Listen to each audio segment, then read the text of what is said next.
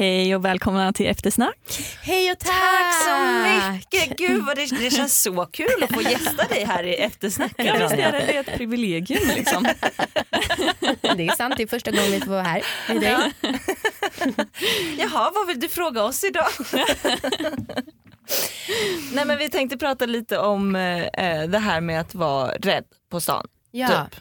För att du sa det, att du eh, brukar gå och snacka med någon på telefon. Ja. Eller i alla fall ha numret liksom i, inskrivet. Så Att bara du kan är en trycka. räddis. Ja. Ja, jag, jag tycker att det här är en sån komplex fråga för att så här, jag vill verkligen inte vara rädd. Mm. Och jag vill verkligen inte, alltså jag kan bli arg på mig själv när jag tänker att så här, ja, men ska jag ta upp telefonen? Och sen bara, nej fan jag ska inte behöva ta upp telefonen. Nej. Och så blir jag liksom arg bara av den saken. Ja. Men vad fan ska man göra liksom? Jag har verkligen haft det här som ett inre dilemma de senaste veckorna.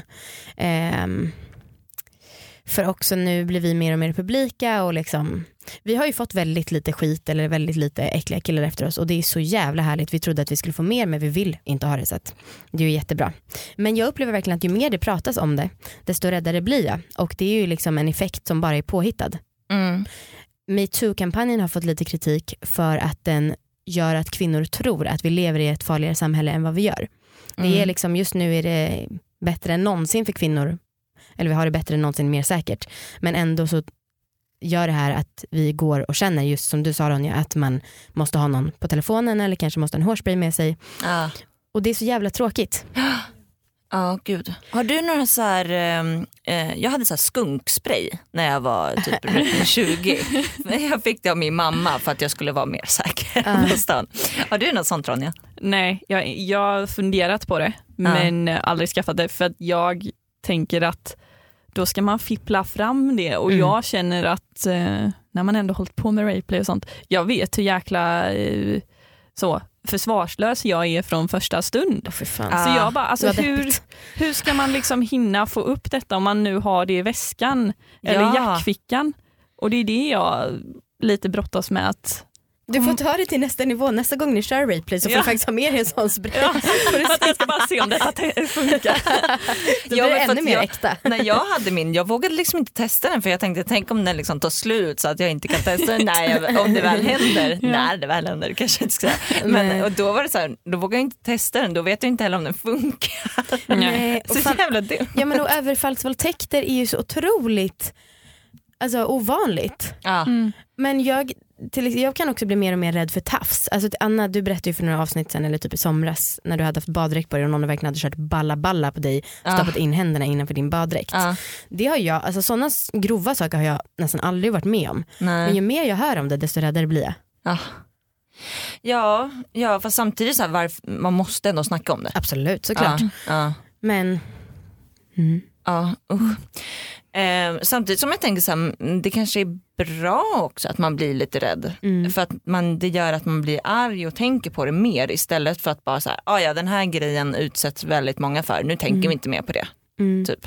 Mm. Ehm, så, så här, även om det är bättre för oss som kvinnor idag, ja, det behöver inte betyda att det varit så jävla bra förut. Nej absolut. Nej. Jag har ett jättebra tips för jag brottades väldigt mycket med min, mina brorsor när jag var mindre. Och då så här, jag har långa naglar så jag borrar in mina naglar så att de inte kan hålla fast mig och det brukar funka för då kan jag också ganska vig med naglarna så jag liksom hugger till. Fan jag har såna mjuka naglar. Mm, du får äta mer kalcium. Helvete. Verkligen. Mm. Ehm, ja och ibland brukar jag typ hålla nycklarna i min jackficka. Mm. Alltså, men så här, vad, vad tjänar det till? Ja. Det kommer inte nej. rädda mig men det får mig att känna mig lite tryggare typ. Mm. Det är ju, och känslan av trygghet är kanske det som är det viktigaste. Ja men Ja. precis. Och typ snacka med folk, Mm. alltså i telefon. Ja. Jag hade en period som när jag var ute väldigt mycket och liksom var ute sent och så här kom hem vid typ ja, men vid fyra, fem i alla fall någon, två, tre dagar i veckan typ. Eh, då brukade jag ringa min syrra som alltid var vaken sent. Eh, hon, så här, hon satt och spelade typ eh, dataspel hemma, allt. hon var allt, en riktig så här, nattuggla, säger man så? Ja. Ja. Och det var så himla himla skönt för då kunde jag prata med henne även om jag var full och det var säkert rätt störigt för henne. Men det var så himla skönt och hon Ja. hade liksom inget emot att snacka med mig.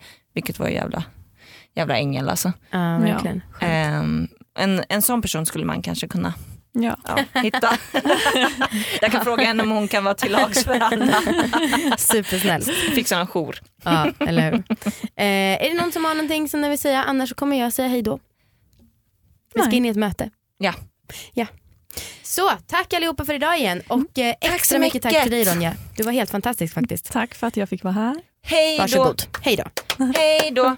Hej då. Nu ska vi gå hem, nu ska vi gå hem. Hej då. Hej då.